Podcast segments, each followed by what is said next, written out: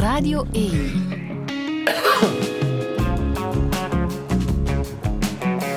Douche. Met Friede Lesage. En met Piet Huizentruid. Goedemorgen. Goedemorgen. Hoe gaat het? Zeer goed. ja. Uh, je blinkt. Uh, je bent net even terug uit de Franshoek in uh, Zuid-Afrika, ja. waar je ondertussen bijna tien jaar woont. Ik heb dat gekocht in 2014, dus ja, bijna, bijna tien, jaar. Maar toch nog altijd een stekje in ons land. Ja, ja, ja. Dat moet wel, hè? West-Vlaanderen, nee. Ja? Vriendelijk. En Gestrand in West-Vlaanderen. Ja, ja, ja. In Helwe. In Helwe, ja. Mag ik dat verklappen? Ja, het, het is toch moeilijk te vinden. Het is in Tunvelde, ja. Ik weet het liggen. Ja. Je bent even hier voor de lancering van SOS Piet XL. Ja. Het hoeveelste kookboek is dit? Oeh, Friedel, nu vraagde was. Hè. Ik denk uh, dertigste of 35, ik weet het echt niet. Maar ik ben er wel heel fier op, omdat uh, het is toch een beetje nostalgie die terugkomt. Mhm. Ik heb zo van die SOS Piet boeken er toch een stuk of tien gemaakt. En, en nu plots komt dat terug in een nieuwere versie van de reeks die we gemaakt hebben uh, bij VTM. En uh, ja, voor mijn 60ste verjaardag was dat toch een zeer mooi cadeau. En dat boek, uh, toen ik het zo open fladderde, zei ik, het is toch... Het is toch mooi hetgeen dat SOS Piet op de wereld gezet heeft. Ja, en hij is niet dood, hè, SOS Piet. Hij is niet dood, nee, hij is uh, uh, live and kicking. Ja. Ja. En inderdaad, wat je zegt, je bent volop aan het genieten van jouw 60ste levensjaar. Hoe heb jij dat gevies, gevierd? Gevierd? Goh, uh, Friedel, ik heb op mijn veertigste heb ik vier dagen gefeest. Dan is iedereen naar Frankrijk gekomen. Op mijn vijftigste heb ik vijf dagen gefeest. Ook iedereen naar Frankrijk gekomen. En op mijn zestigste moest dat zes dagen zijn. En is iedereen naar Franshoek gekomen, ja. En daar heb jij gekookt of heb je het uitbesteed? Uh, ik heb het uitbesteed, maar ik heb toch het uh, op de eerste dag niet kunnen laten om uh, een goede stoverij te maken met vrede. ja. En dat is goed afgerond na zes dagen? ik was gekraakt en gebroken, maar een tevreden man. ja. um, over jou is heel veel gezegd en geschreven in jouw biografie, Ongezouten, die is verschenen ja. bij je 60ste verjaardag lees ik dit. Ik heb sterk gekookt en ik ben sterk kwijtgespeeld. Ik ben het kijkcijferkanon geweest van VTM en ik ben op straat gezet. Ik heb met mijn vlotte babbel miljoenen verdiend voor mijn sponsors en ben contracten verloren door mijn grote mond. Ik heb bestsellers gepubliceerd en boeken die men aan de straatstenen niet kwijtraakte. Heb hutsepot gemaakt op tv en een sterrenrestaurant op de kaart gezet in Frankrijk. Ik heb lang getwijfeld over mijzelf, maar nu ben ik fier op alles wat ik heb gedaan? Uh, je doet mij de tranen in de ogen krijgen en uh, een hoop Dat is nogal een samenvatting van een leven, hè? Ik denk dat het uh, de correcte samenvatting van mijn leven is. Mm. En waarom krijg je daar zo kippenvel van? Omdat het de eerste keer is dat ik het voorgelezen krijg door een zeer mooie stem. En het doet wel wat als iemand anders jou in de ogen kijkt en dat voorleest. Want uh, in die vijf seconden heb ik heel mijn leven zien passeren. Aha. Maar jij hebt mee beslist dat dit op papier mocht komen. De hoogtes en de laagtes van Piet Huizen. Ja, ik ben daar niet beschaamd voor. Ik vind... Ge, ge, ja, je leeft je leven en het gaat maar door. En uh, plots op het einde van je leven... Allee, het is hopelijk nog het einde niet, maar... Um, wordt er dan een biografie voorgesteld. Je, je, zegt alles tegen je schrijver, Edward. Uh, bedankt daarvoor. Um, en dan plots komt dat op papier. En weten, ja, er zijn uiteraard hoogten en, en iedereen ziet enkel maar de hoogten. Hè. De Piet, de Piet het gemaakt, hè. de Piet dit, de Piet dat. En, en, maar er zijn ook zeer veel laagten geweest en ik ben daar niet beschaamd voor om dat te zeggen. Mm. En ik heb ook uh, in die laagtes ook zeer veel zelf bewerkt, bewerkstelligd. Zijn, er zijn veel laagtes gekomen door mijn eigen fouten. En uh, je kunt er maar doorkomen als je eruit leert. En als je beseft van... Ik ga het plat zijn, godverdomme, daar heb ik toch misdaan. Aha. En ja, ik ben niet... Uh, het ego is niet te groot om dit toe te geven. En is het ook de nood om de perceptie bij de mensen bij te stellen? Want je bent heel erg bekend. Dus mensen hebben een mening. Ja, ik, ik, ik, ik vind ook iedereen mag zijn mening hebben over mij. Echt waar. En, en is dat om dat te bewerkstelligen, om dat te veranderen? Eigenlijk niet. Ehm, ik, ik wil wel dat de mensen mij kennen zoals ik echt ben. Want uh, eh, SOS Piet is een typetje die grappig is, die, die ook een vakman is, die, die veel kijkers uh, gemaakt heeft, die veel boeken verkocht heeft. maar uh, Piet is, is een andere Piet. Piet is Piet Huizentruid. Je hebt ook nog de Piet de Sterrenkok. He, er zijn eigenlijk... Welke Piet zit hier? Hoe zou jij je omschrijven? Hier zit de echte Piet. Ik, uh, je mocht mij vragen wat je wil. Ik ga antwoorden op uh, iedere vraag. En, en die komt uh, recht uit het hart. Zie, als, als jij die, die zinnen zei, dan, dan krijg ik echt wel tranen in mijn ogen. Mm -hmm. Jouw levensmotto op dit moment is: Het leven is mooi. Dat is een hele gewone, maar ik denk bij jou heeft die toch wel een ernstige betekenis. Het leven is mooi. Het leven is ook mooi. Ik, uh, ik, allez, ik ben nu aan een ouderdom gekomen ook om te zeggen van... Piet, geniet er toch iedere dag van, iedere minuut, iedere seconde. En dat doe ik nu ook. Deze Piet heeft ook een stevige muzieksmaak. Dat moeten we erbij vertellen. Hè? Friedel, als, als je zei, je mocht uh, uw muziek kiezen, dacht ik echt van, gaan ze dat nu echt doorvoeren? Want ik heb ooit in zo'n programma gezeten, ik weet niet meer wanneer, moet toch een 15 of 20 jaar geleden zijn. En dat was ook zo, Piet, je mag je eigen muziekkeuze. En dan doe ik echt wel stevige hardrock. Want dat is Piet Huizentruid. Dat is Piet Huizentruid. Daar kan je niet buiten. Nee. En, en uh, dan kreeg ik een, een, mail of een telefoon. Ja, Piet, dat gaan we toch niet doen ze voor de, ik weet niet, Radio 1 of 2 luisteraar. Ik weet het niet meer. Maar ik was toch super content als je antwoordde van ja, ja, Piet, het gaat allemaal door. Wauw, wauw, Friedel. You rock. in, uh, in crescendo. Ik zal, het, uh, ik zal de mensen al waarschuwen. We gaan in stijgende lijn. Allee, Piet Huizentruid, welkom in Touché.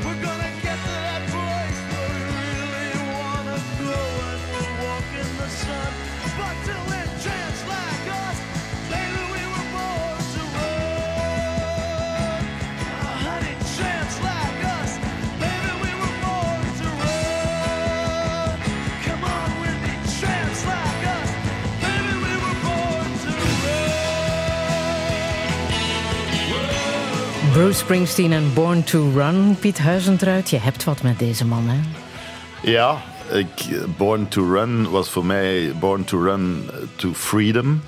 En uh, de Bruce, ik heb Bruce zijn uh, levensverhaal en zijn biografie gelezen.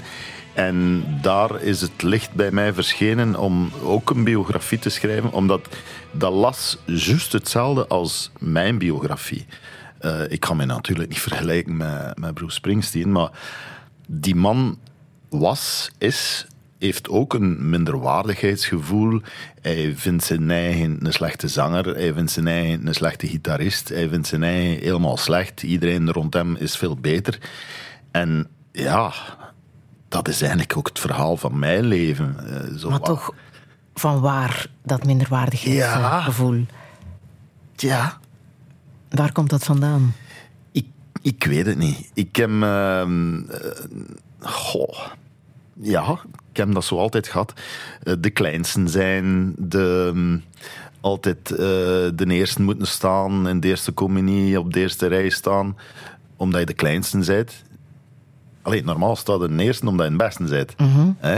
um, ja, dat was zo. In, in, in, het eerste, tweede, derde studiejaar had ik altijd goh, 65 procent.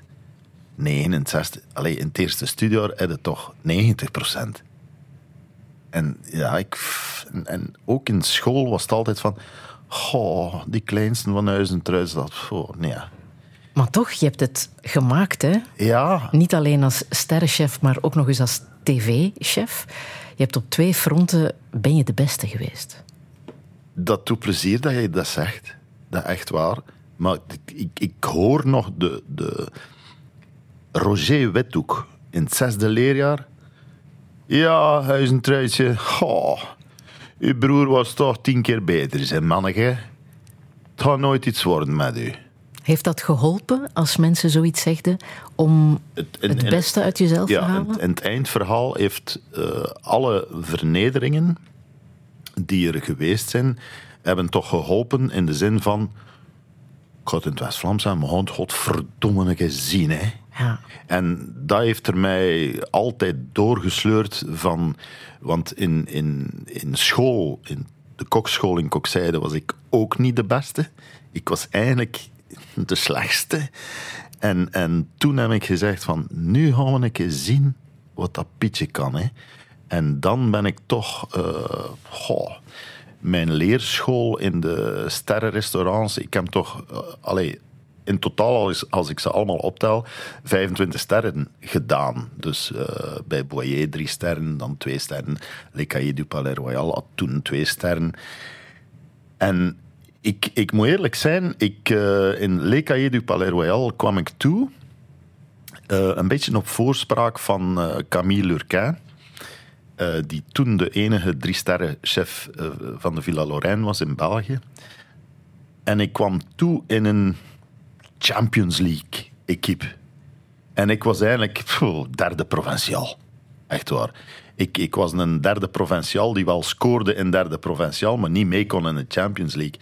En dan heb ik uh, daar toch wel uh, ook letterlijk veel schoppen gekregen.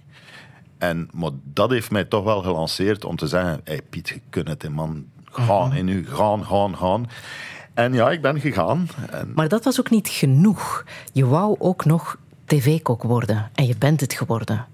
Ook wel door je eigen, denk ik, je eigen doorgedreven goesting om dat te doen. Eigenlijk is dat toch een beetje toeval geweest. De, de tv-koks van toen waren geen vakmannen. En dat stootte mij tegen de borst. Ik Die kwamen niet uit het vak. Ik, ja. ik ga de namen nu niet noemen. Daar is al genoeg gezever over geweest. Uh, lees mijn biografie, zou ik mm -hmm. zeggen. Maar um, dat stootte mij tegen de borst, omdat je keek naar een kookprogramma en de technieken en de gezegden, dat was allemaal fout. Ik zei, nee, dat, dat doen we zo niet. En, en zo ben ik uh, bij VTM toegekomen en zei, ik zei, kijk, als je een vakman wilt op tv, hij zit voor u. En hij, zo is het gegaan. Hè? Je zo... bent eerst um, de kok geweest van uh, Zondag. Ja, en dan ja, geleidelijk aan is jouw eigen programma er gekomen, SOS Piet. Wat je 18 seizoenen hebt gedaan tot je werd vervangen. door Sophie Dumont. Ja, dat is ook ehm, een hele... Messi werd vervangen door FC Poelcapelle. Ja, ik, ik ga de woorden niet meer uitspreken, maar ze hebben mij, eh, mij en Sophie pijn gedaan. Ik, ik had dat nooit mogen zeggen, maar ja, eh, de aard van het beestje zegt het toch. En, en ja, dan, dan heb je toch met je, met uw kop vlak tegen de muur gelopen dat uw neus plat is. Hè? Want uh, die, die een boemerang is toch zwaar in mijn gezicht teruggekomen. Wat is daar precies gebeurd? Ja, ik ga daar niet meer op terugkomen. Maar... Het enige dat ik kan zeggen is dat dat eigenlijk allemaal goed gekomen is ook een beetje door VTM, want ik werd dan gevraagd als jurylid in Mijn Keuken, Mijn Restaurant. Uh Sophie zat daar ook in. Ik, uh, ik zie mij nog altijd toekomen in die container van de schmink. En ik ga regelrecht naar Sophie en ik zeg, Sophie, kijk, uh, ik heb misdaan, ik wil mij excuseren. Sophie, echt, kijk, dus kippenvel, hè. ze zit daar gedraaid, Pietje, zand erover, we spreken er niet meer over. Voilà. Ja. Ja, ik was... Kijk, je ziet, mm. kikkenvel. Jij vroeg altijd aan de mensen, wat hebben we vandaag geleerd? Wat heb jij in die jaren geleerd over jezelf? Wat heb ik geleerd? Um, ik heb toch geleerd van meer in het West-Vlaams op mijn tongen te bidden, eer dat je wat zegt. Dus uh, ja, eerst nadenken en dan zeggen is uh, een mooi gezegde van mijn vrouw, Pietje. Nu ook, voordat ik hier zat. Pietje. Let op je woorden. Dat is rechtstreeks, hè, ventje. kan niet Let op je woorden, hè. Uh, dus ja, dat heb ik toch geleerd. Van, ja, ook op je woorden laten zien dat je toch wat diplomatischer bent. En, en natuurlijk moet je gedacht zeggen, maar hoeveel keer dat ik gehoord heb van, van chefs vroeger ook, wat ik recht tegen de drie sterrenchefs heen ging. En Pietje, het gelijk, maar je mag het niet zeggen, event. Voilà, dat heb ik geleerd.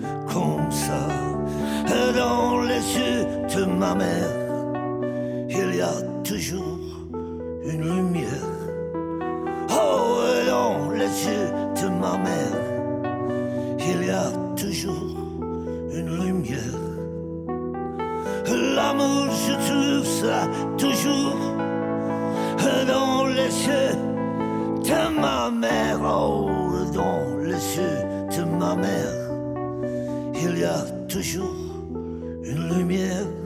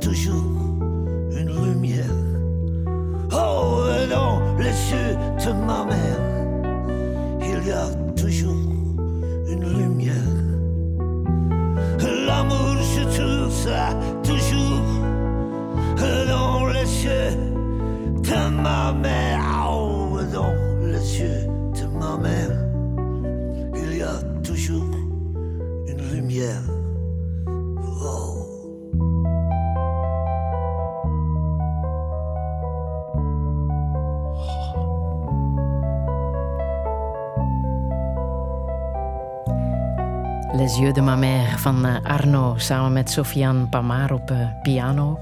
Arno, die ook kokschool heeft gedaan natuurlijk. Hè? En één keer op televisie garnaalkroketjes heeft klaargemaakt. En die staan ook in SOS Piet. Die garnaalkroketjes Ja. van Arno? Ja, ja, ja. dingetje, de geluidsman, eh, noemt hij nu. Paul Braak... Paul... Braakman. Pascal. Pascal, Braakman, Pascal. Ja. Eh, die maakte de, de garna... Maar je had het een en het ander vergeten. Maar Arno heeft ook het een en het ander vergeten. Maar ze staan nu goed en wel in SOS Piet. Ja, het gaat vooral over La de Ja. moeder. Ik... eh, ja... De tranen zitten altijd klaar als daar iets speelt. Het is vijf jaar geleden hè, dat ze Ja. is gestorven, jouw moeder. Wat voor iemand was zij? Ehm, ja, de moeder die er u doorsleurt van... Zie je wel dat je het kunt, uh, houd kunnen. Eh, toen ik zelfstandig begon... ja, maar ik ga zelfstandig ben. Kun je het? Weet je dat je het kunt? Ja, ook. dan moet je dat doen. Dat was moeder. Onze moeder heeft ook heel onze familie erdoor geholpen na het Congo-debakkelen. En, en onze moeder was eigenlijk de letterlijke rots in de branding. Want dat Congo-debakkele was zwaar, hè? Dat, is, dat heeft toch... Allee, ik weet niet van, van mijn broer en mijn zuster, maar dat heeft toch op mijn leven gewogen. Ook dat minderwaardigheidscomplex in het begin. Ja, ons, ons, onze ouders hadden geen centen. Hè. Ik ben ook... eh, ja, het derde kind was eigenlijk een kind die, die er niet moest zijn, want er waren geen centen. En mijn grootmoeder heeft gezegd, wanneer gaat die een derde maar komt, hè? Want de christelijke families, eh, het doen was om kinderen te maken, hè? niet om iets anders te doen. Hè? Want jouw vader is begin jaren 50 naar Congo getrokken. Van 50 tot 60. Ja, toen als vrijgezel, opgeroepen door eh, de overheid. Want toen zochten ze mensen om in... eh, Ja, maar hij is Congo te gaan eh, werken? volledig vrijwillig naartoe gegaan. Het ging, het ging slecht in het vlas. En ons vader zei, ik ga naar Congo. Hij was na een, een, een- alleen een toedracht van, van, de, van het ministerie, de, de Kwa, minister de Kwa, sprak over Congo. En jonge mannen konden gaan en konden goedkoop een lening krijgen enzovoort. En ons vader is daar naartoe gegaan, naar Jaoseko. Ik ben er ook dankzij televisie naartoe geweest. Eh, met, eh, met Tanny Verstraten zijn we daar naartoe geweest. En dat was, ja, pff, hallucinant. Ik ben ook met Erik Goens daar naartoe geweest. Hallucinant is dat. En in welke zin? Hallucinant? Eh, ja, alles is kapot. Hè. Eh, ons vader had daar een grote plantage. Dat is nu weer helemaal oerwoud geworden. Ik eh, zie mij nog zeggen van waar is die plateau om de koffie te drogen. Ons, eh, er is daar nog een filmpje van dat Lieven in de koffie zit, mijn broer, eh, op die plateau om die koffie te drogen. En ja, ik heb die stenen meegebracht in mijn valiesje en daar een kunstwerk over gemaakt. Ja. Want jouw vader heeft daar zijn leven opgebouwd, zijn jonge leven, maar dat leven ook moeten verlaten. Hè? In 1960 bij de decolonisatie. moeten verlaten. Het, ja, had, had hem er gebleven, was hem dood. Hè.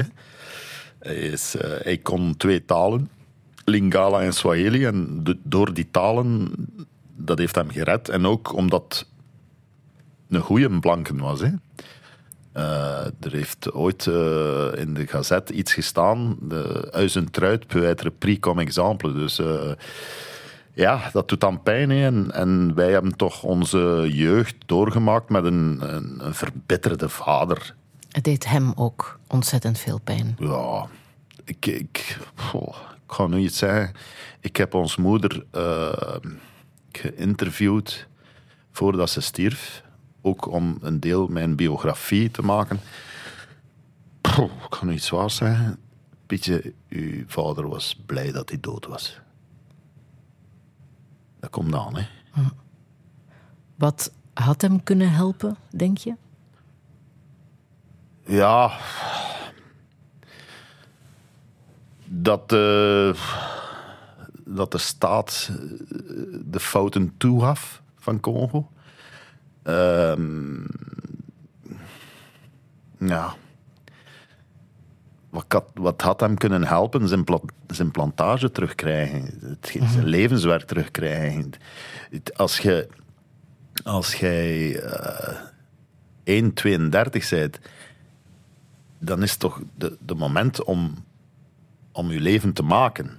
En plots wordt het u allemaal afgepakt. Je hebt een plantage opgebouwd, je hebt camions die koffie leveren, eh, je hebt alles. Je hebt 120 man die voor u werkt, alles gaat goed en plots, hey, weg, eh, het, is van mij. En als je niet oplet, gaan we je vrouw eh, dat kind uit haar buik snijden. En, ja, ik heb heel dat verhaal, dat vluchtverhaal van onze moeder nog een keer gehoord. Dat is hallucinant. Er werd niks van informatie gegeven. Ze, gingen, ze vluchten in de verkeerde richting omdat ze dachten we vluchten naar Yangambi omdat daar eh, alle professoren zitten. Yangambi was het landbouwcentrum van de wereld. Hè. En ehm, ja, ons moeder zei we vluchten, moeder, we vluchten, moeder. Dans la gueule du loup. Ze stonden ons op te wachten met de, met de mitrailletten en dat ding. We moesten aan de andere kant gevlucht zijn.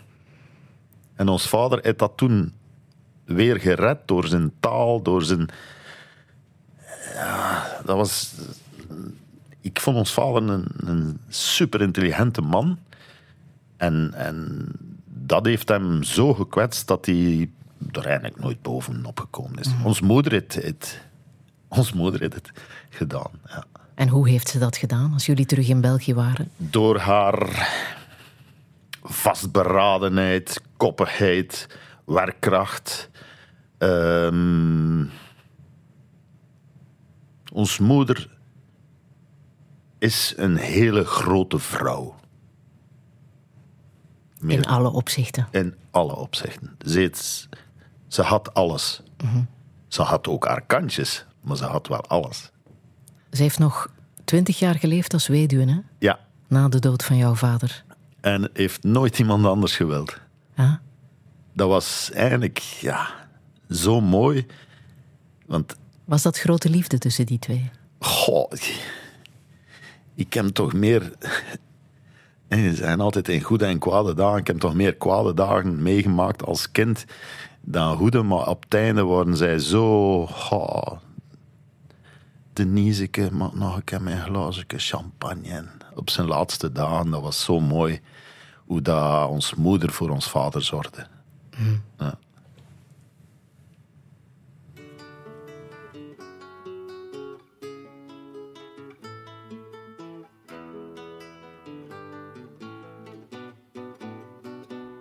There is unrest in the forest, there is trouble with the trees. For the maples want more sunlight, and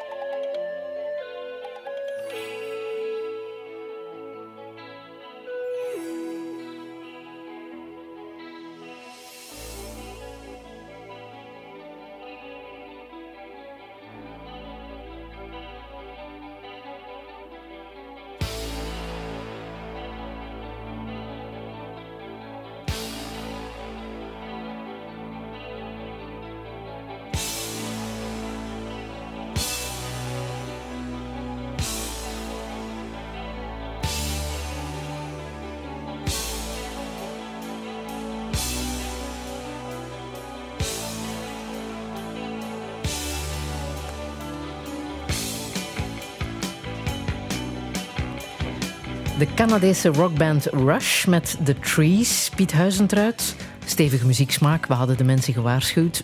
Dit valt nog mee. Dit valt redelijk mee. dit is van het uh, zachtere werk van Rush. Hoe heb je dit leren kennen? Uh, ik had ooit aan mijn 16 jaar een, een zwaar accident. Ik ben onder een camion gesukkeld. En ik kwam daar niet onderuit. Ik lag vast tussen die mobilet en die camion. En die, die dubbele dikke wielen zijn zo juist voor mijn gezicht gestopt. Dus dat was eigenlijk uh, de eerste keer dat ik dood had moeten zijn. En de man die ooit voor die camion gesprongen uh, heeft, heeft mijn leven gered. Ik heb hem nooit ontmoet, maar bon, bedankt dat je mijn leven gered hebt. Mm -hmm. Dat was in Heulen in het jaar pff, 78 of ik 16 was. Van 62, dus is het 78. Mm-hmm. Um, en daarna heb ik eigenlijk beslist van ik doe wat ik wil. Ik ga naar de kokscholen, ik ga dit en... Ik uh, besliste ook van naar het concert van Rush te gaan. Dat is mijn allereerste concert in Poperingen. En ja, dat was een openbaring voor mij. Ik, ik moest uit dat diep christelijk nest wegvluchten, omdat ik... Uh, ja, met alle respect voor de godsdiensten, maar bon, ik kom uit een diep christelijk nest en dat is eigenlijk tegenovergestelde geworden dan dat het christendom wil. Uh, maar ik zei, ja, ik ga naar een concert en, en alles was zo hardrockmuziek was. Ons moeder was dat tegen. Ik weet nog de eerste LP van Black Sabbath die binnenkwam. De duivel was in het huis uh, verschenen in de vorm van uh, Black Sabbath. En ik dan naar Rush. Maar ik had een, een goede compagnon, want ehm, Koen was mijn, was mijn neef. En komt ook uit een diep christelijk gezin, de, de zuster van ons vader. Maar hij mocht naar concerts gaan. Dus als hij dat mocht, mocht ik meegaan. Maar alleen mocht ik daar niet naartoe. Hè. Maar zwart, met Koen mocht alles. Dus uh, uh, ik daar naartoe. Uh, Rush was een openbaring. Die drum, die stem. Die... En ik, ik ben er altijd blijven van houden. Het is zo'n beetje een, een rockband die, die niet zo gekend is, maar die toch wel topnummers heeft. Hoe zag jij er toen uit? Och, vriel. Ik had toen nog haar. ik had mooie blonde lokken. Krullend zelfs. Maar en... niet echt een hard rock look. Ja, dat was er toen nog niet. Hè. Je had dan de, de zwarte lange mantels, dat waren zo de, de Cure en heel de bazaar. Ah, ah. Ja, ik vraag het omdat je naar de kokschool bent gegaan waar je natuurlijk die kokskleren moet aandoen. En een muts, dat is natuurlijk alles behalve cool voor een jonge kerel. Maar we moesten ook altijd in, in, kostuum ja. gaan. En das. Een grijze broek met een blauwe vest en een das. Waarom wou je dat, de kokschool? Ja, ik wou koken. En, en ik weet nog goed, de eerste uh, praktijkles dat we hadden was uh, zaalpraktijk. Ik zei, godverdomme, daar ben ik niet voor gekomen. Hè. En we moesten zo van die onnozele witte vesten aan doen met, met van die epauletten op. Ken je dat nog? Van die rode ja. epauletten. En, en dan moesten we diepe borden met water dragen en er mocht geen water uit die diepe borden. En we moesten de trappen op en aflopen. En ik vond dat afschuwelijk. Ik zei, ik ben hier weg. Maar dat kon ik niet, want ik had zo moeten zagen aan ons moeder om naar de kokschool te mogen gaan. Ik zei, ja, nu zit ik weer gevangen. Maar bon, dan is dat toch wel goed gekomen. Zijn. En die passie voor het koken was, was echt groot? En die had je Eigenlijk ook van je niet. ouders? Nee. Die, die, die, was niet groot? Nee, dat, dat was die was er zelfs niet. Nee? Nee, nee dat was een, een vlucht om uit dat christelijk nest te zitten, zijn en om uh, intern te zijn, om te doen wat ik wilde en te smoren en pinten te drinken. En ja, dat zal het nu zijn. Maar het was niet. Maar door, door in de keuken dan te staan, was ik, uh, ben ik eigenlijk gepassioneerd geworden door alles wat met eten te maken heeft, alles wat met smaken te maken heeft. Ik vind nog altijd de uitspraak van, van Pieter van Doveren, die, die mijn uh, eerste boek geschreven heeft. Piet, dat is zo'n een, Nederlandse journalist die, die voor de knak geschreven heeft. Piet, jij hebt zo'n eierkop, man. En ik denk dat in je eierkop achteraan zo'n fichebak zit met alle opgestapelde smaken. Jij kent ze allemaal van buiten, man. En ik vond het zo mooi gezegd, want ik heb ook een eierkop. Als jij het zegt. Ik zou het niet durven zeggen, maar ja, maar het is waar, hè? Zeg het een keer. Nu, het heeft je wat opgeleverd. Hè? Je bent eh, je eigen restaurant begonnen in Wortegem-Petegem, waar je al na vier jaar je eerste Michelinster Ja, kreeg, ja. die je drie jaar later ook weer kwijtspeelde. Ja, maar er staat uitgebreid eh, in mijn biografie Ja. waarom en hoe en wat. Je hebt dat scenario nog eens opnieuw gedaan, want een restaurant moet je gemist hebben tijdens je tv-carrière. Je bent in Frankrijk Ja. nog eens opnieuw begonnen met Le Lutin Gourmand, wat dan eh Le Coquet is eh, geworden. Daar nog eens een Michelinster gehaald eh, op vier maanden tijd. Vijf maanden. Maar Vijf maanden. ik ben er enorm fier op, omdat ik inderdaad, ik, ik miste dat. Omdat je, je hebt, je hebt ehm, ja, die druk, die chefs hebben dat toch wel wat nodig. En, en ik vond ook eh, het, tv-verhaal liep op zijn einde. En dan zei ik, weet je wat, ik ga toch nog ene keer. En ik ben daar eigenlijk zeer fier op dat ik eh, van mijn eigen vond dat ik eh, een achterlijke chef was, want ik was niet meer mee.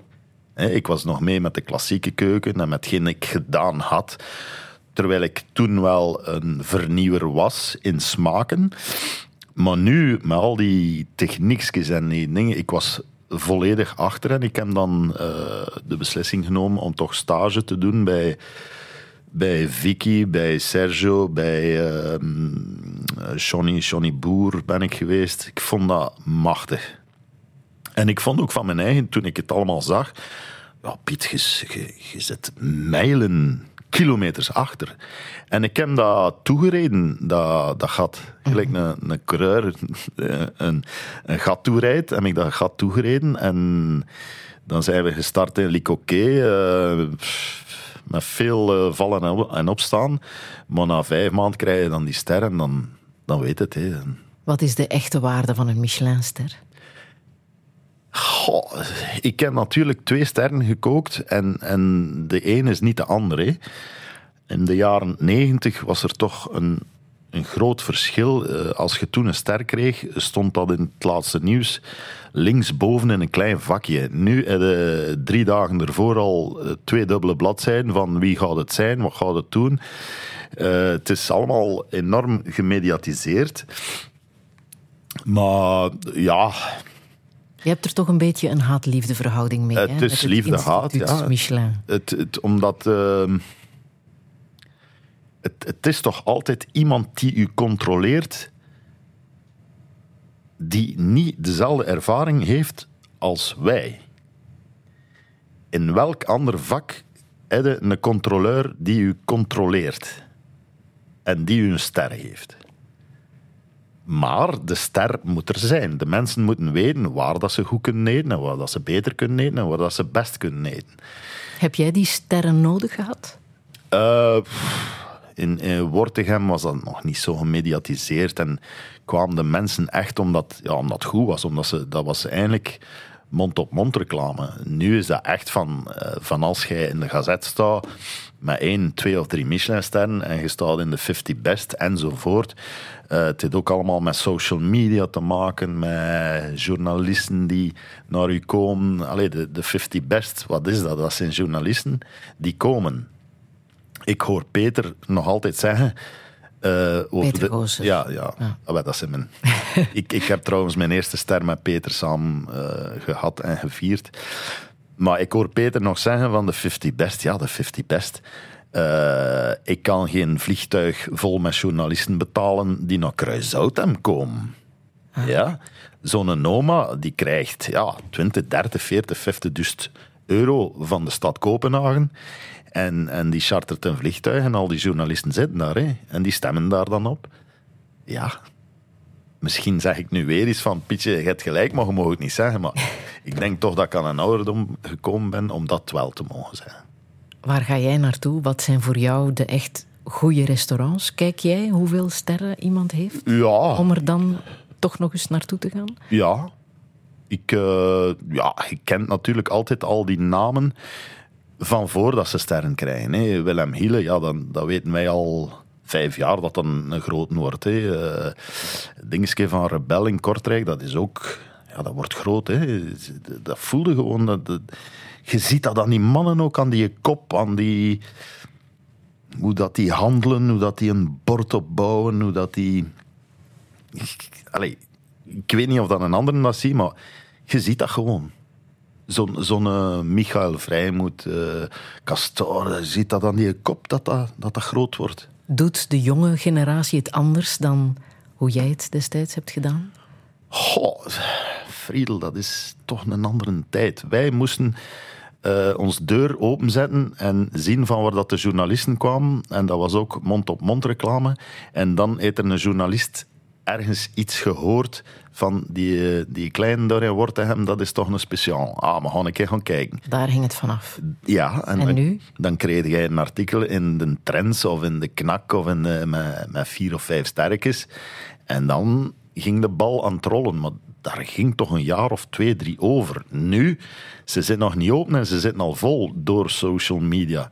Vind ik dat fout? Totaal niet. Hè. Ik, ik ga niet de ouderwetse chef spelen. Oh, vroeger was het allemaal veel beter. Nee, ik, ik, uh, doe niet anders dan de jonge gasten steunen met gaan, gaan, gaan. She may contain the urge to run away, but hold her down with soggy clothes and breeze blocks. Shitters in your fever, scream me again. Never kisses, or do you ever send a full stop? Do you know where the waffles go? They go along to take your honey.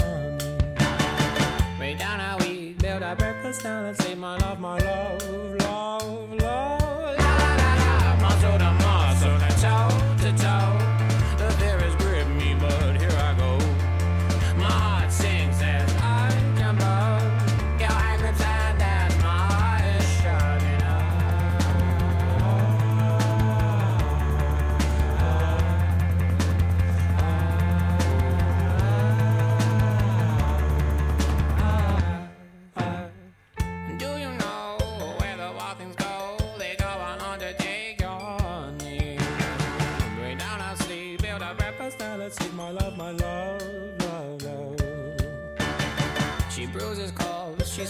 Pistol shots, hold her down with soggy clothes and breeze blows. She's morphine, queen of my vaccine, my love, my love, love.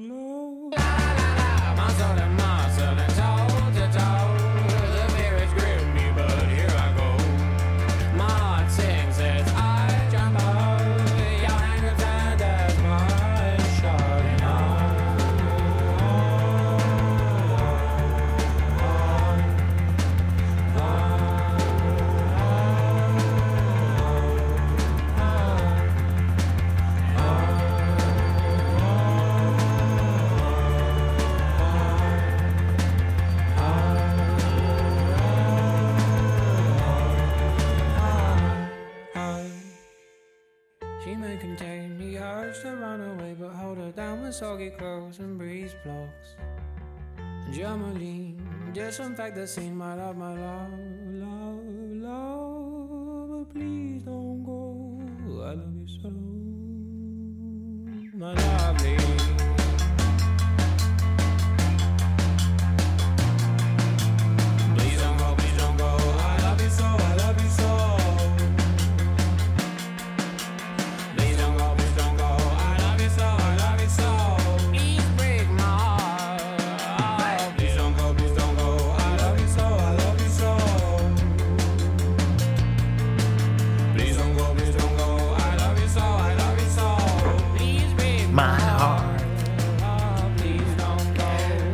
Blocks van LJ, hier meegezongen door Piet Huizentruiten in de studio. Goed nummer, hè? Schitterend nummer. Wat heb je ermee? Ehm, ja, ik heb, eh, ik heb voor, voor die gasten gekookt. Met dank aan Maarten, een eh, manager, en eh, mijn dochter Marie. Aha, en waar was dat? In Kansas City. Mijn, Marie woont in Kansas City.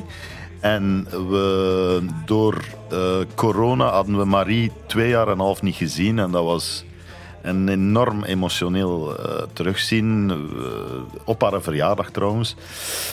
En plots zegt Marie, eh, papa, al Jay, kende dat? Ik zei, ja, ik ken dat. Wilde niet koken voor die man? Ik zei, oh Marie, wat vraag nu?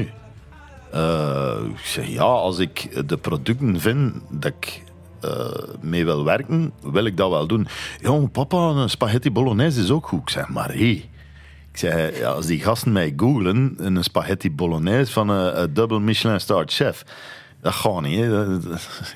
Ik, zei, het is alles of niks. Maar geen spaghetti bolognese. Allee. Eh, we gaan naar verschillende winkels, Coquille Saint-Jacques. Allee, ik heb alles gevonden. Allee, Marie, ik ga koken voor die man. Ik heb dan een diner gegeven. Echt in een sporthal gekookt. Eh, het, allee, het was gelijk vroeger eh, met een traiteurdienst, zo overal uw plan trekken. Maar het was toch wel een droom die uitkwam, eh, koken voor een rockband. Ja? En dan nog eh Al J, die eigenlijk mijn muziekkeuze niet is. Hè. Het, is het is veel te zacht voor mij. Maar die gasten zijn zo goed. Echt, ik, krijg daar kikkerverrees van. Hè. En, en ook, oh Pete, was the best I ever had in my life. en en dan, dan word ik zo eh, zacht. Dan ben ik zo'n watje van. En die drummer Tom, eh, ik stuur dan mijn drum. eh, allee, ik, ik probeer nu te leren drummen. En ik stuur een, yeah, you bought a good drum, man. It's, it's okay. Go, go, go. En ja, het was, het was eigenlijk fenomenaal. Ik, ik, eh, Je hebt nu pas een drumtoestel gekocht. ja, is wel lang gewacht, hè? zot hè? Ja? Zot, ja. Hoe komt het? Geen Ik- tijd natuurlijk. Ja, geen tijd. En, en eigenlijk heb ik toch altijd iets in mij gehad van ik wil muzikant worden. Onze Cyril, eh, die Licoquet overgenomen heeft nu, is een, ik vind hem een topmuzikant. Hij vindt ook van zijn eigen dat hem niet goed genoeg is, maar echt, als, als een man de gitaar en aan de drum zit, is hij echt heel goed. En ik had zoiets van, ik heb ook ooit een gitaar gekocht, maar dat was ook de duivel in huis. Dat mocht niet en dat is voor het krapul. En allee, Piet, wat je wel? Gitaar in huis, dat gaat niet. En eh, nu heb ik zoiets van, ja, ik heb een goesting om te leren drummen, ik doe dat. En zelfs als het niet gaat, ik, En gaat het? ik, ja, ik vind, dat, ik vind dat ik er goed op map, maar de, de, de veranderingen, de rolls gaan nog niet goed. Maar de beats kan het toch al een beat of drie. Allee. Je doet nog iets anders, hè? Jij schildert ook. Eh, dat is al van mijn 30 jaar, dus dat is al 30 jaar dat ik schilder. Ja. En niet slecht. Ah, dat doet mij plezier dat je dat zegt. Want je bent ook echt een gedreven schilder, hè? Ik, eh, Kunstenaar zelfs. Het is niet schilderen alleen. Je maakt ook zelfs installaties, misschien een beetje ingegeven door jouw goede vriend Koen van Mechelen. Ja, ja. Ik, ik, ik ben altijd blij als een ander dat goed vindt. En eh, z- eh, zeer zeker dat Koen van Mechelen dat goed Piet. Die, die zegt. Wat zegt hij? Eh, Piet, dat is goed, dat is niet goed, dat is veel te persoonlijk. Ik zie direct wat dat je bedoelt, je mocht dat niet doen.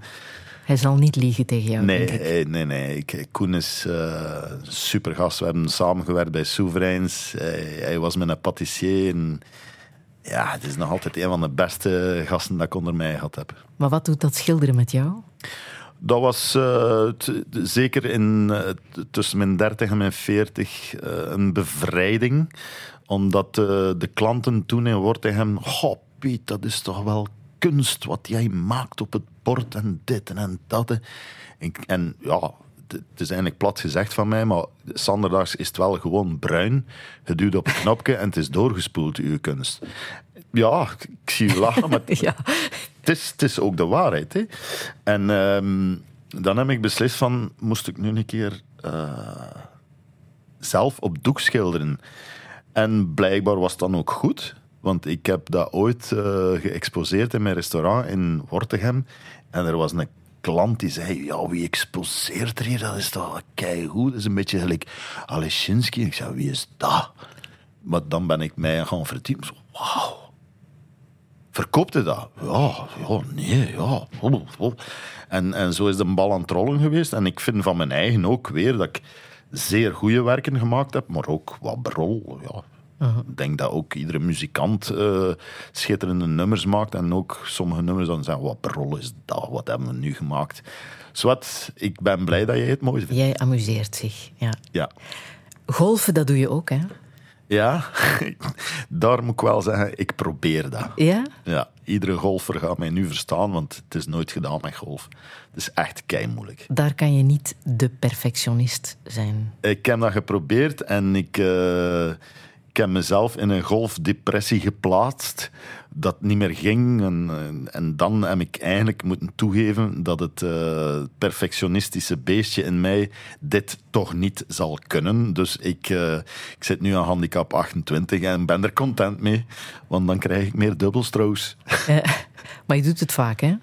Ik uh, doe het vaak, ja. ja. Mm. Het is ook goed voor de gezondheid. Hè. Je wandelt toch uh, 8 à 10 kilometer als je 18 holes doet. En uh, daar ben ik met mijn diabetes zijnde ook content mee. Ja.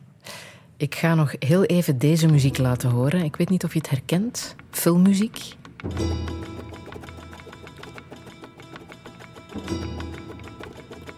Ik zal je een tip geven. Is dat mijn keuze? Ja. ja. Freedom is belangrijk. En het is van en met Mel Gibson. Maar dat is niet mijn keuze. Braveheart. Hoe weet jij dat? Omdat het een film is die betekenis heeft voor jou. Ja, Freedom.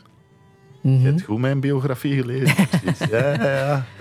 Het is mijn favoriete film, omdat er... Uh... Dat zit diep, hè? Die drang naar vrijheid. Ja. En dat verhaal ook van Braveheart. Hoewel ja, er wel een loopje is genomen met uh, de echte feiten uit het uh, verhaal van William Wallace. Van, van mij ging het, ging, ging het vooral over de de, de freedom roep bij het onthoofden van, van Braveheart. En, en voor mij is dat. Ik heb die film toch al drie of vier keer gezien. En toch zit ik nog altijd te blijden bij die schreeuw naar freedom. En eigenlijk moet ik nu niet meer blijden, want ik heb het eindelijk bereikt, de freedom. Piet Huizentruid, we praten zo meteen verder. Radio 1.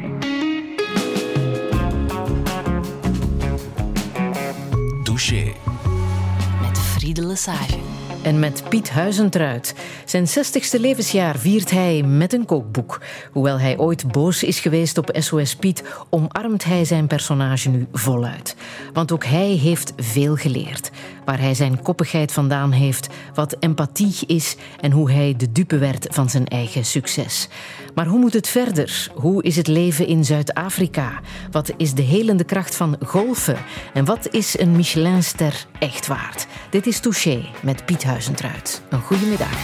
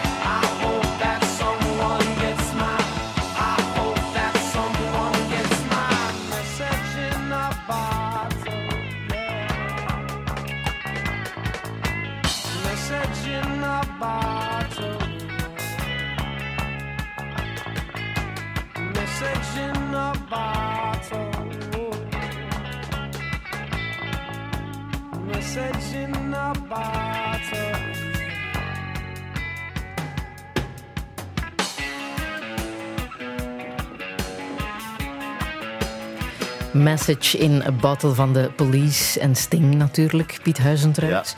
Wat heb je met dit nummer?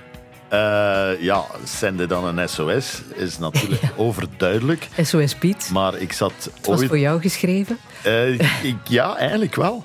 Ehm, ik zat ooit in de laatste show. Eh, ik weet niet of dat met Bruno Wijnendalen was of met... Michiel de Vlieg, denk ik. Mich- ja, Ja, ja, ja. dan heb je dat goed gezien, denk ik. En ik zat daar in de show met Dennis Rodman. Die is zo geschift als dat hem groot is. Eh, die een basketter, hè. Mhm. Ehm, en ik had daar direct een touche mee. Echt wel. En, wow, en ik had zo'n verhaal van ehm, Piet Span nog, dat, dat ze in Zweden zei, who is he with all those cameras? En Kurt Rogiers zei, oh, he's a very famous cock in Belgium. Ja, iedereen in de grond van het lachen natuurlijk. Ik vertel dat verhaal aan eh, Dennis Rodman in die laatste show. Ja, die lag natuurlijk ook in de grond van het lachen. En die zei constant, hey, famous cock, what do you think? En dan kwam Sting daarbij zitten. Dus ik was de eerste, dan Dennis Rodman. Dennis Rodman nam heel die show over. En dan kwam Sting eh, heel serieus met zijn lange baard. En hij kwam zijn Christmas eh, ehm, song promoten. En op zijn rider stond er van alles. En ook dat hem niet ging zingen. En plots zegt die Michiel de Vlier: Ja, uh, we know you, you won't sing. You won't sing, die Dennis Rodman, hè? Come on, sing us a song. Up. En die krijgt dan een joef van je welste. En de Sting moest gaan zingen. En wat zingt hem dan? Message in a Bottle, SOS Piet. En ik was juist mijn SOS Piet boek aan het promoten. Dus dat, allee, dat was... Ik kreeg zanderdags telefoons van alle journalisten. Piet, je weet toch dat je een historische show is? Ik zei, ja, ik weet het. Want ik was erbij en het voelde ook historisch aan. En weet je waar Sting op dit moment zit? Eh, nee, Hij heeft een eh, landgoed, een enorm landgoed in Toscane. Inclusief biologische moestuin. Hij heeft zelfs een pizzeria, een wijngaard. Zijn wijnen zijn genoemd naar zijn nummers. Onder andere Mes- één fles heet Message in a Bottle, natuurlijk. Ja. Je kan daar zelfs gaan logeren. Allee. Het is zo'n beetje als Piet Huizentruid in Zuid-Afrika. Ja, dat zou, maar bij mij kunnen niet logeren. Maar hoe groot is jouw landgoed in Zuid-Afrika? Ja, een gewoon landgoed, laat ons zeggen. En ik ben er zeer gelukkig. En ja, ik heb toch iets met Afrika's. Hè. Ehm, ook in dat laatste interview met ons moeder. Pietje, dat is toch wel raar, hè? Want je zit hier nu in Zuid-Afrika en achter Congo wilde uw vader ook naar Zuid-Afrika. Ik zei, alleen moeder, wat zei je hier nu? En ja, dat doet mij ergens enorm veel plezier dat ik als kind van Walter, Liek Oké, in Afrika zit. Dat, doet mij, dat geeft mij een enorme voldoening. Waarom of hoe, weet ik niet, maar dat, dat geeft mij een voldoening. Jouw vader is ook niet in Zuid-Afrika gekomen. Nee, want ons moeder wilde niet. ik wilde Mm, niet. Pietje. Het was- genoeg geweest, het was genoeg geweest. Dat ik kan vermoord zijn en... Ja, nee. Mm. En ja, ja... Kunnen ze het kwalijk nemen, ons moeder? Nee, ze, Mm. ze wilde zij terug naar de familie. En, en, terwijl dat ze haar ook geamuseerd heeft in, in, in Congo. Maar zwart, het is, ik, ik zeg dikwijls, het is wat het is. Hè. Je kunt eh, het leven niet veranderen en je kunt niet teruggaan en alles veranderen. Hè. Dat bestaat niet. Hè. Jouw vader zei op zijn sterfbed: Pietje, pas op voor je geld. Ja, Waarom zei hij dat? eh, dat heeft mij ook enorm geraakt. Omdat hij niet bedoelde uw geld of uw rijkdom. Hij bedoelde, pas op van uw bezit. Dat je het ook niet kwijtspeelt zoals ik het kwijtgespeeld heb. En dat zijn zijn laatste woorden. En ja, ook die komen aan. Hè, want ik was eigenlijk toen nog niet de Piet die ik eh, geworden ben. Ik, ik was nog niet zo bekend. Het was het begin van mijn carrière. Maar hij was ook visionair en hij wist misschien wel dat ik succes ging hebben, omdat hem dat koppig Pietje zag die, die doordreef. En hij zei, Pietje, pas op van je haal, ventje. Dat je het niet verliest. En heb je opgelet? Ik denk het wel. Ik denk dat ik ehm, in het West-Vlaams goed geboerd heb. Op een bepaald moment had je zelfs 138 verschillende Piet Huizentruid producten in de rekken liggen. ja. Allemaal dingen die te maken hebben met koken. Van keukenhanddoeken, wafelijzers, sapcentrifuges, pannenlappen, messen, spatels, diepvriesdesserten. eh, een compleet servies. Ja.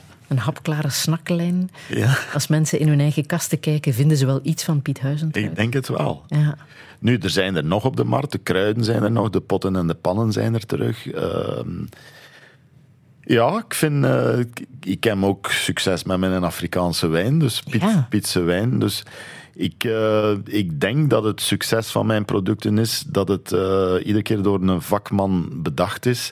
En dat op het einde van de rit eh SOS Piet of Piet Licoquet of Piet Huizentruid, dat de mensen toch weten dat ik een vakman ben vooral. En eh, dat ik het met hart en ziel doe en dat het goede producten zijn. Maar ook omdat je misschien met een sterrenrestaurant alleen niet zoveel rijkdom kan vergaren. Ja, dat is elk voor zich, hè, dat sterrenrestaurant. Oh, Er zijn er die wel goed geboerd hebben, er zijn er die niet goed geboerd hebben. Het is een, een, een evenwicht zoeken tussen de mooiste producten, het eh, beste werken, eh, de beste serviezen. de- de- en dan moet je het evenwicht zoeken tussen, ja, hoe verdien ik nu ook nog geld?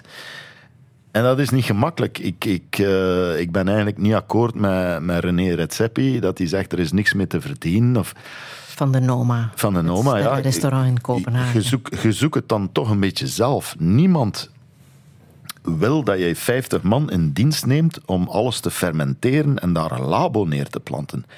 Iedereen wil lekker eten. Dus als jij kiest om labo's en eh, fermentatieprocessen in gang te zetten, die ik weet niet hoeveel handen nodig hebben, ja, dan is dat een beetje nu fout. Hè? Je moet eh, niet alleen eh, een genie in de keuken zijn, je moet ook een genie aan het bureel zijn. En ik heb dat ooit geleerd in Wortegem. Ik zat iedere dag vol. En het geld kwam binnen, maar er stond nooit geen frank op mijn rekening. Ik zei, hoe komt dat toch? En ik pak een nieuwe boekhouder en die zei, Piet, wat doe jij eigenlijk? Ik zei, werk, werk, werk, werk. Hey, ja, West-Vlaming, werk niet, werk. En wij zeggen, pak een keer één uur per dag aan uw bureau in de plaatsen. Ja, dan eh, gaan uw oogjes open? Daar heeft het opgeleverd. Daar, ja, wat hebben we geleerd? Eh, Chefs, alstublieft, zet u ook een keer aan uw bureau. Dus eh, dat was de les die ik geleerd had. Doe jij alles voor het geld of kan jij ook onbaatzuchtig en vrijgevig zijn? Ik heb nooit iets voor het geld gedaan. Het is een passie waar dat er dan natuurlijk geld bij komt kijken. Maar uit van in het begin voor het geld doen, hè, moet je het niet doen. De passie moet spreken. En het is door de passie en door het vakmanschap en door het danig werken dat de mensen zien van Pietje en misschien wel veel geld verdiend, maar je hebt er ook voor gewerkt. En ja, als je mij ziet, zie je één brok passie voor eten. Mijn, vrouw zegt, als ik zeg, s morgens, wat gaan we van doen eten? Ah, pees maar aan eten. En dat is ook waar. Ik denk maar aan eten. Ik, ik droom van eten. Ik, eh, ah, allee, ik, ik, ik mag nu, ik denk dat het woensdag of donderdag is, nou, Boerie, drie sterren. Dat is kikkervel. Hè. Een jonge gast die drie sterren krijgt, ik moet daar naartoe. Hè. Je woont daar nu heel mooi in Zuid-Afrika, maar de kloof tussen arm en rijk is ook daar zeer zichtbaar. Hè? Ja, Hoe ga je daarmee om? Ehm, ja. Persoonlijk kun je daar niks aan doen. Je kunt kledij geven, je kunt ze geld geven, je kunt...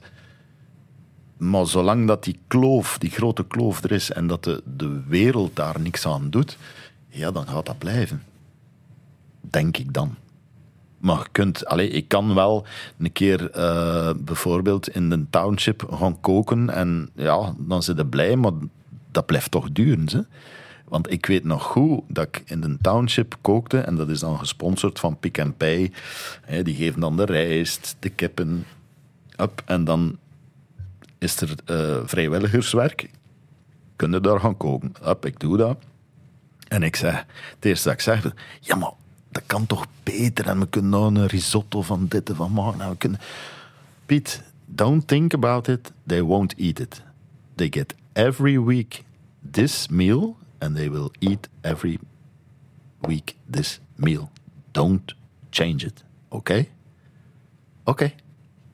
Dus, hey, Maar maakt het jou gelukkig dat je iets kan doen? Het, ja, wij hebben ook personeel rondlopen in huis. En, en ja, wij geven kledij, schoenen. En, en ja, dat stemt u gelukkig. Maar stemt u helemaal gelukkig? Nee, want meer kan je niet doen.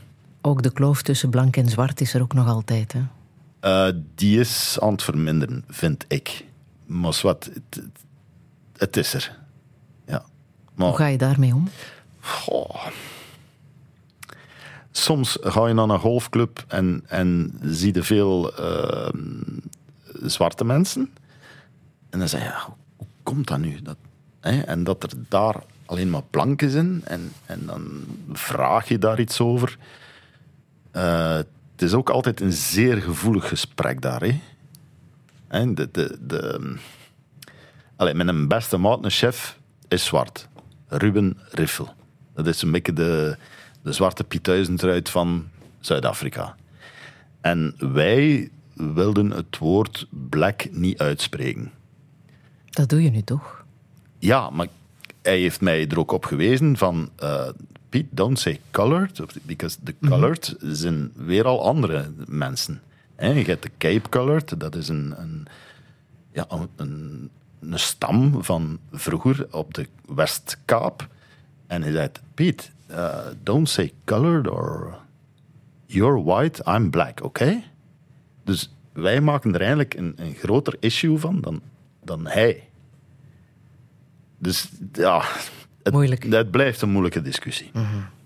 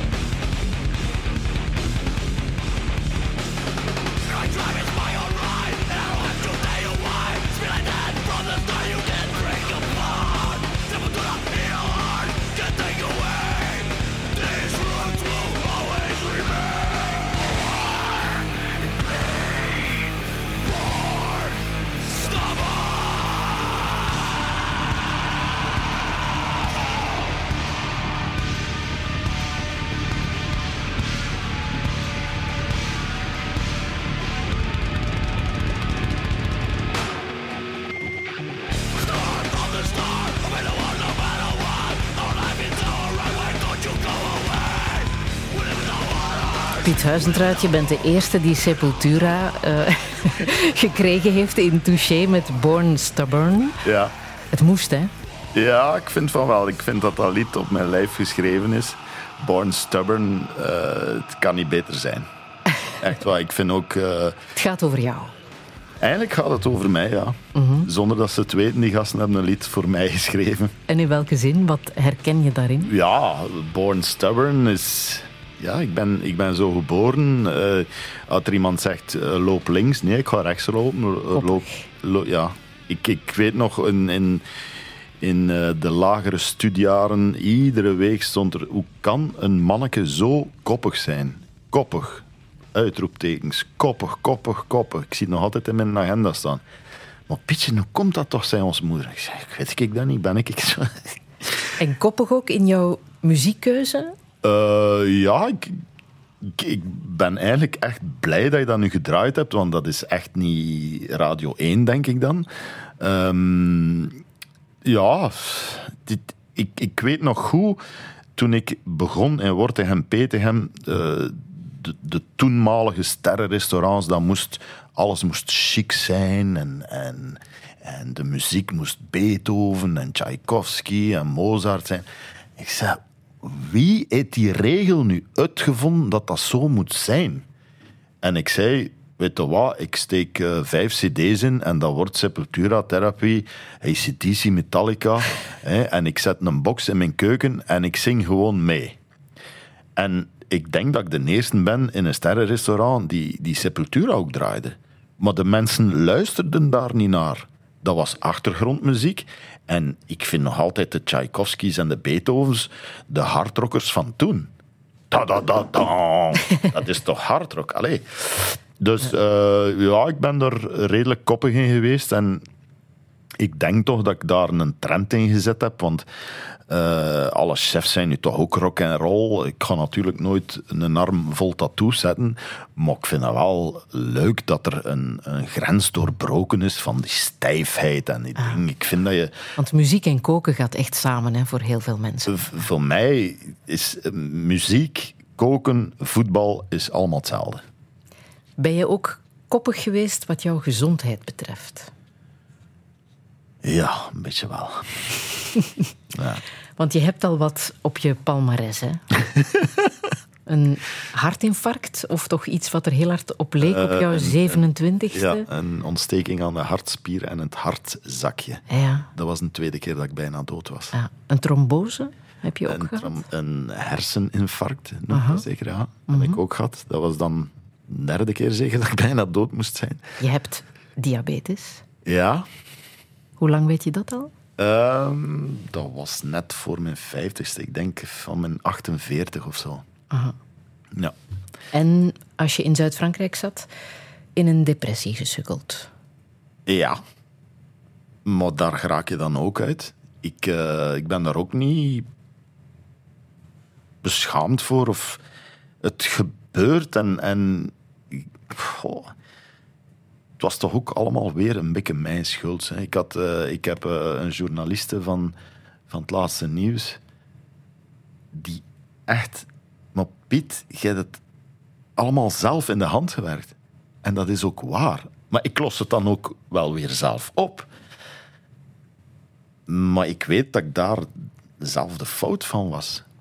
Hetzelfde ook met je hartproblemen, de trombose, de Ja. diabetes. Ja, diabetes was ja, te veel van het goede van het leven, te veel alcohol drinken, te goed eten, ja, alles. Ja, ik ken het, hè. hoe vettiger, hoe prettiger, maar ik, deed dat ook. Hè. Veel eten, veel drinken, eh, de hartproblemen, daar moet ik zeggen, het is misschien het enigste dat ik niet zelf in de hand gewerkt heb, maar toch ook. Dat was toen eh, veel te veel werken, drie dagen niet gewerkt en, en niet geslapen een groot feest van 1500 man helemaal alleen willen doen, nou, dat gaat niet. Hè. En- Zou je dat allemaal opnieuw doen? Met wat je nu weet? Ik heb veel die vraag gekregen, Piet, zou je het opnieuw doen? Ja, dat weet je niet. Hè. Het is gebeurd. En, en ik, je kunt misschien wel zeggen, ik zou wel wat diplomatischer zijn en ik zou wel wel dit. En, maar nu heb je toch een leven, levenswijsheid mee, waarin dat je kunt zeggen, ik zou dit en ik zou dat. Maar het is niet. Als je nu zegt, Piet, doe het, ga je het opnieuw doen? Ja, dan word ik opnieuw 28 jaar zonder de levenswijsheid. En dan ben ik misschien opnieuw een staaf dynamiet die ieder moment kan ontploffen. Dus ja, het is wat het is. Ik ben content met het leven dat ik gehad heb. En eh, hopelijk met het leven die nog moet komen. En ehm, het is wat het is. Ik, Want jouw vrouw Vero is in die periode in Frankrijk ook in een burn-out gesukkeld. Dat was ook weer mijn schuld. Ik, ik, ik wou Licoquet eh, starten, deels voor mijn ego te strelen, deels voor mijn vakmanschap te tonen, deels om de wereld te tonen dat ik nog altijd een sterrenchef was. En zij is daarin meegegaan uit liefde, want Vero is een, een zeer grote vrouw ook. Eh, ik denk dat ze mee aan het luisteren is in Zuid-Afrika. Zoetje. Dikke kus, hè. Eh, maar ja, zij is erin meegegaan in dat restaurant en plots gecrashed. En ik heb het niet zien aankomen en het was toch wel weer mijn schuld. Dus Is Zuid-Afrika jullie redding geweest? Dat kun je wel zeggen, ja. Want eh, een burn-out mogen er niet meer lachen, want dat is echt erg. Ik, eh, ik heb er echt van verschoten. En dat heeft toch een paar jaar geduurd bij Veros. Hè. En eigenlijk het vestigen in Zuid-Afrika heeft, heeft Vero helemaal doen opfleuren. Het was, het was toen voorbij. Maar het lang gesmuld. Hè. Wat voor plek is het daar? Heerlijk. Eh, de zon doet veel met mensen. Eh, om terug te komen, het verschil tussen blank en zwart. Ja, die mensen lachen altijd. Hè. Dus die, die wonen soms in een, in een luciferdoos, maar die lachen, die komen toe, die lachen, die zingen. Ik denk soms dat, dat de blanke mens een keer mag een voorbeeld nemen aan het, het positief, positivisme van, van die mensen. Is het ook dat dat jou helpt? Als je Eh, daar mij, voor mij is het vooral eh, veel ruimte in Zuid-Afrika. Oh, mooi land. Freedom ook, Aha. vind ik. Goh, En waar jij woont, Franshoek, veel goede restaurants? 65. Is het echt? Ja, Franshoek is één straat eigenlijk. En dan heb je bij iedere winery eh, restaurant. Er zijn toch wel wat toprestaurants. eh La Petite Colombe, Le Coin Français. Dan, eh, d- allee, dat, dat Je zou een goede van- plek uitgekozen. Ja, dat zou van mij toch een ster krijgen. Trouwens, een oproep aan Michelin om in de Kaap eh, sterren te geven. Voilà, je ziet, het is niet allemaal haatliefde. Er is ook, er is ook liefde. Ehm, ja, Maar zou jij daar ooit opnieuw beginnen? eh, dan wordt de scheiding direct ingezet. Ah, Vero is niet akkoord. Eh Zoetie, het is hij- niet meer te overtuigen. nee, nee, nee. Zoetie, als hij dat wil doen, ga je mij misschien iedere dag zien aan tafel met mijn vriendinnetjes. Dat is het enige dat ze. Nee, ze gaat Ah. niet meer werken. Ze gelijk. En wil dat ook zeggen dat je het niet meer gaat doen? Ik ga het niet meer doen. Nee. Ik wil... Ik... Ja... Dus, eh, mag ik mijn joker inzetten? het is... eh, het beestje wil wel, maar fysiek kan ik dat niet meer aan. Met al hetgeen dat je er juist al gezegd hebt. En ja, maar de, de geest en de, inventiviteit wil nog. Maar de, het lichaam kan dat niet meer aan, dus ja... Het zal nee worden.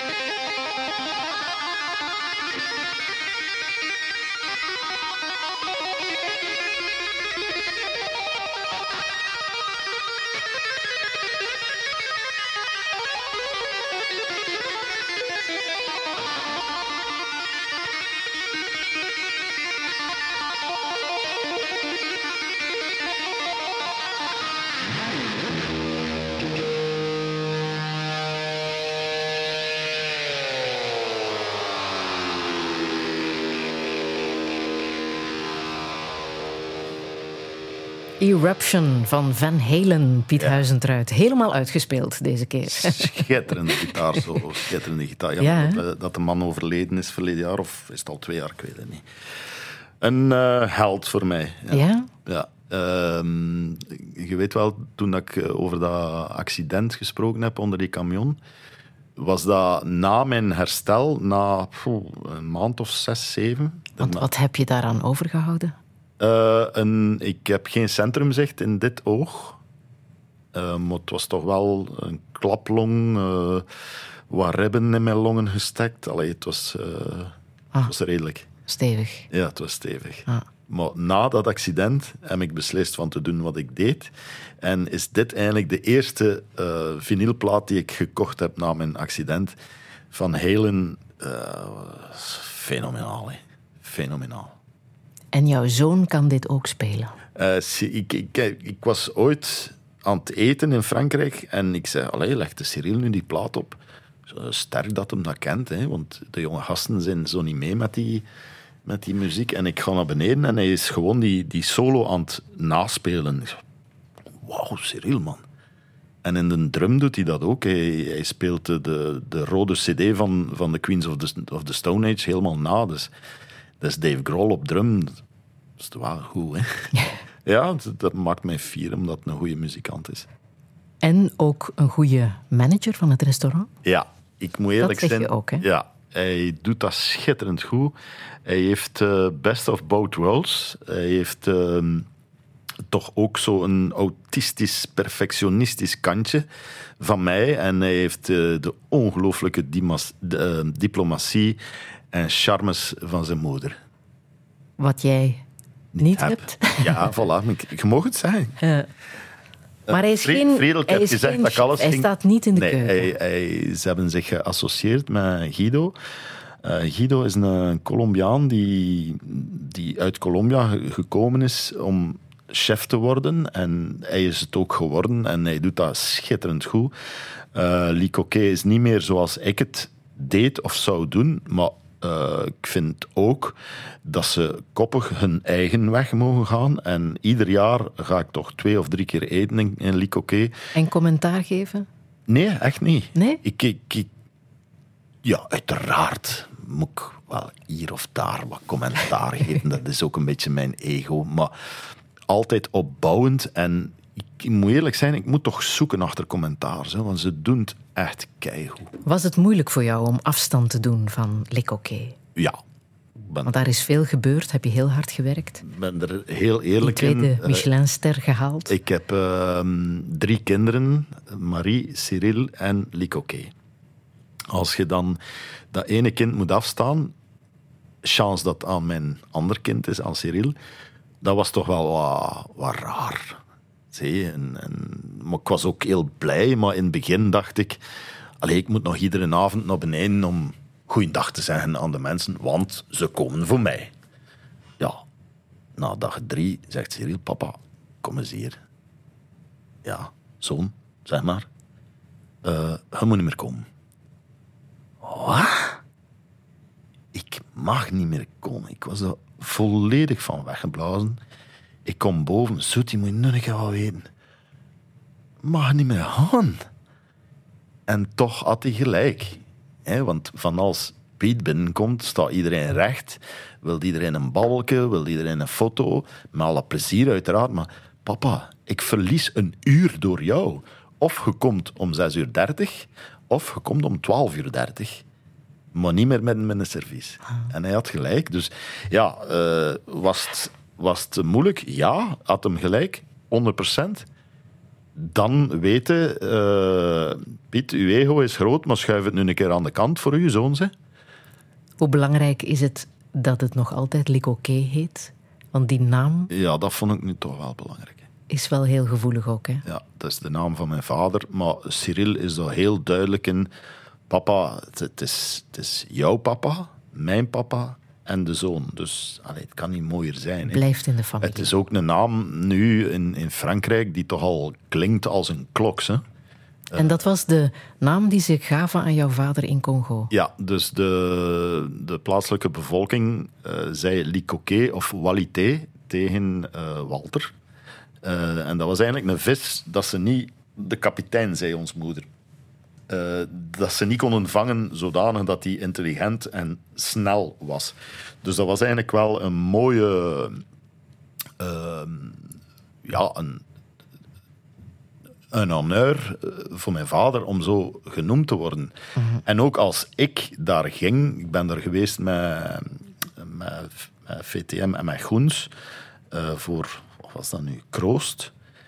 En ja, ik was ook Likoké. Oh, Likoké, Walité. En dan zong ze en dan...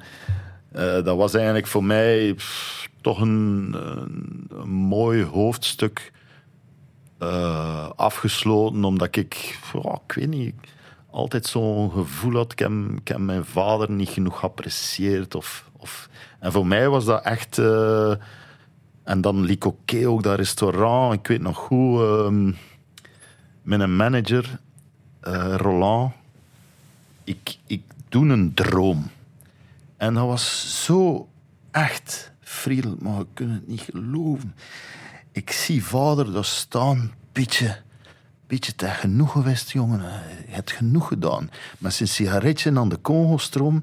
En ik schiet wakker helemaal in zweet en ik pak hem vast en het is mijn kus. En ik zeg aan Roland, moet nu een keer wat weten. Ik heb een droom gehad van ons vader en hij zei dat genoeg was, dat liep oké, fantastisch en je moet niet meer doen. Het is goed, Pietje. En hij zegt, het is niet waar. En hij noemt mij Swa. Swa. Hij heeft ook in mijn droom gezeten. En hij zei, ga nu zeggen aan de kleine dat genoeg is? Hij heeft genoeg gedaan. Dat was echt... Was... En we hebben alle twee zitten blijten aan de telefoon. Jouw dochter heeft ook het avonturiersbloed, hè? Marie, Marie is een, een vreemde madame. Die zit in Amerika. Die zit in Amerika. Kansas City, die werkt voor Boulevard Beer. Dat is een brouwerij die overgenomen is door Duvel Moordgat. Die gaan nu natuurlijk blij zijn. Hè? Maar je kon ze niet tegenhouden, hè? Dat avonturiersbloed zit, ook in- bij je kinderen. Het zit in de familie. Eh, ik weet nog goed, als ik naar Frankrijk ging, dat moeder, eh, dat vader zei, waarom moet hij nu naar, naar daar gaan wonen? En moeder zei, ja, maar hij zit toch ook naar Congo geweest? En Marie, Marie eh, is, is sinologie gestudeerd aan de universiteit en, en die was al van haar 18 in Chuhaian Universiteit. Die spreekt eh, Chinees, die leest Chinees, die schrijft Chinees. En achter zes jaar eh, eh, is ze dan verhuisd van Shanghai naar Chengdu. En dat was niet de, de place to be. En dan is ze naar Amerika gegaan. Voilà.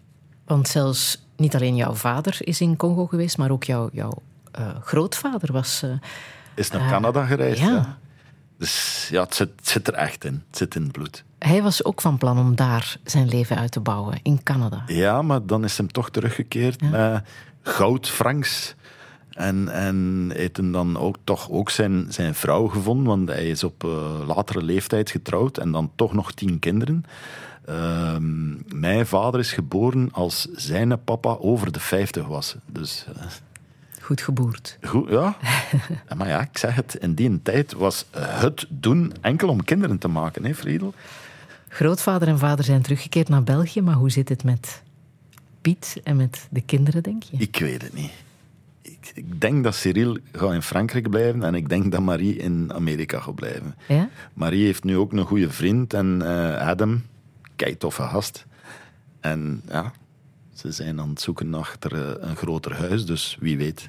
En jullie blijven in Zuid-Afrika? Ik denk wel dat ik daar sterf. Ja. Mooi, hè? Mag nog lang duren, hè? Ik eh, hoop dat ik aan de 80 raak. Dat zou mooi zijn.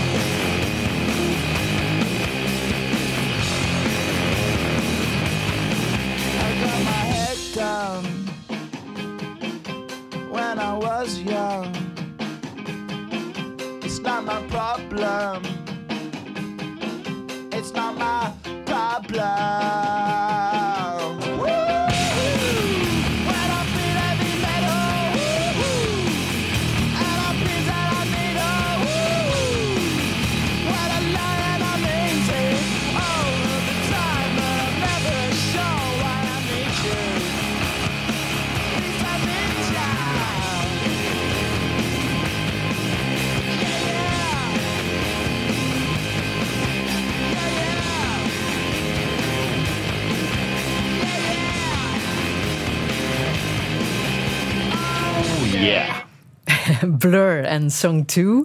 En meegezongen door Piet Huizentruid. Ja. Uiteraard in de studio. Stevig nummer weer. Helemaal uitgespeeld, hè? Helemaal uitgespeeld. Je hebt dat goed gedaan, Friedel.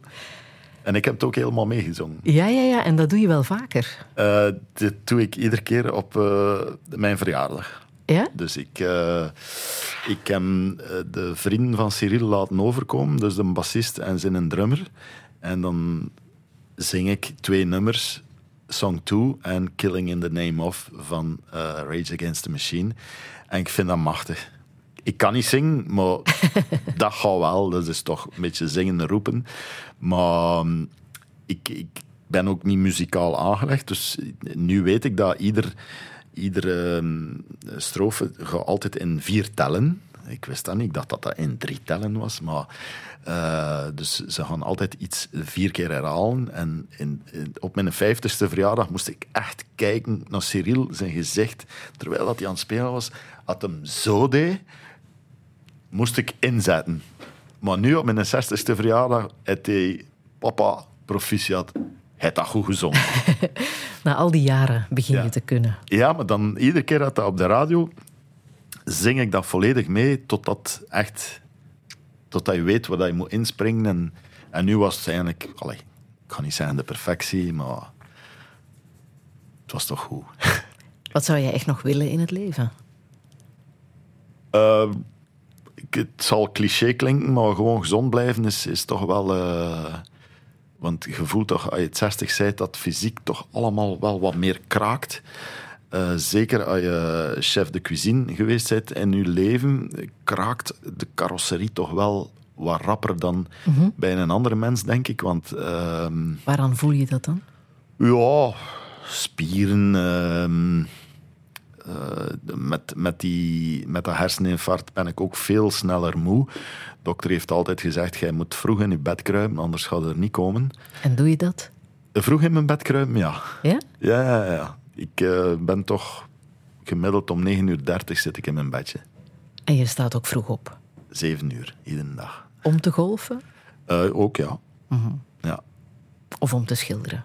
Eh, schilderen is een ingeving van het moment. Ik, ik moet nu wel zeggen, ik heb een, een atelier gebouwd in, in Zuid-Afrika en alles staat klaar. En plots zegt het beestje in mij, Piet, maak er een keer twee. En dan maak ik ze. En, Heb jij nog een bucketlist? eh, om te zien of te reizen wel, ja, ja. Ik zou zeer graag nog de gorillas zien in eh, Rwanda of Congo of... Er zijn zo drie landen die samenkomen waar je dat kunt zien. Dat zou ik graag nog zien. En ja, veel reizen en, en En mensen voor wie je wil koken?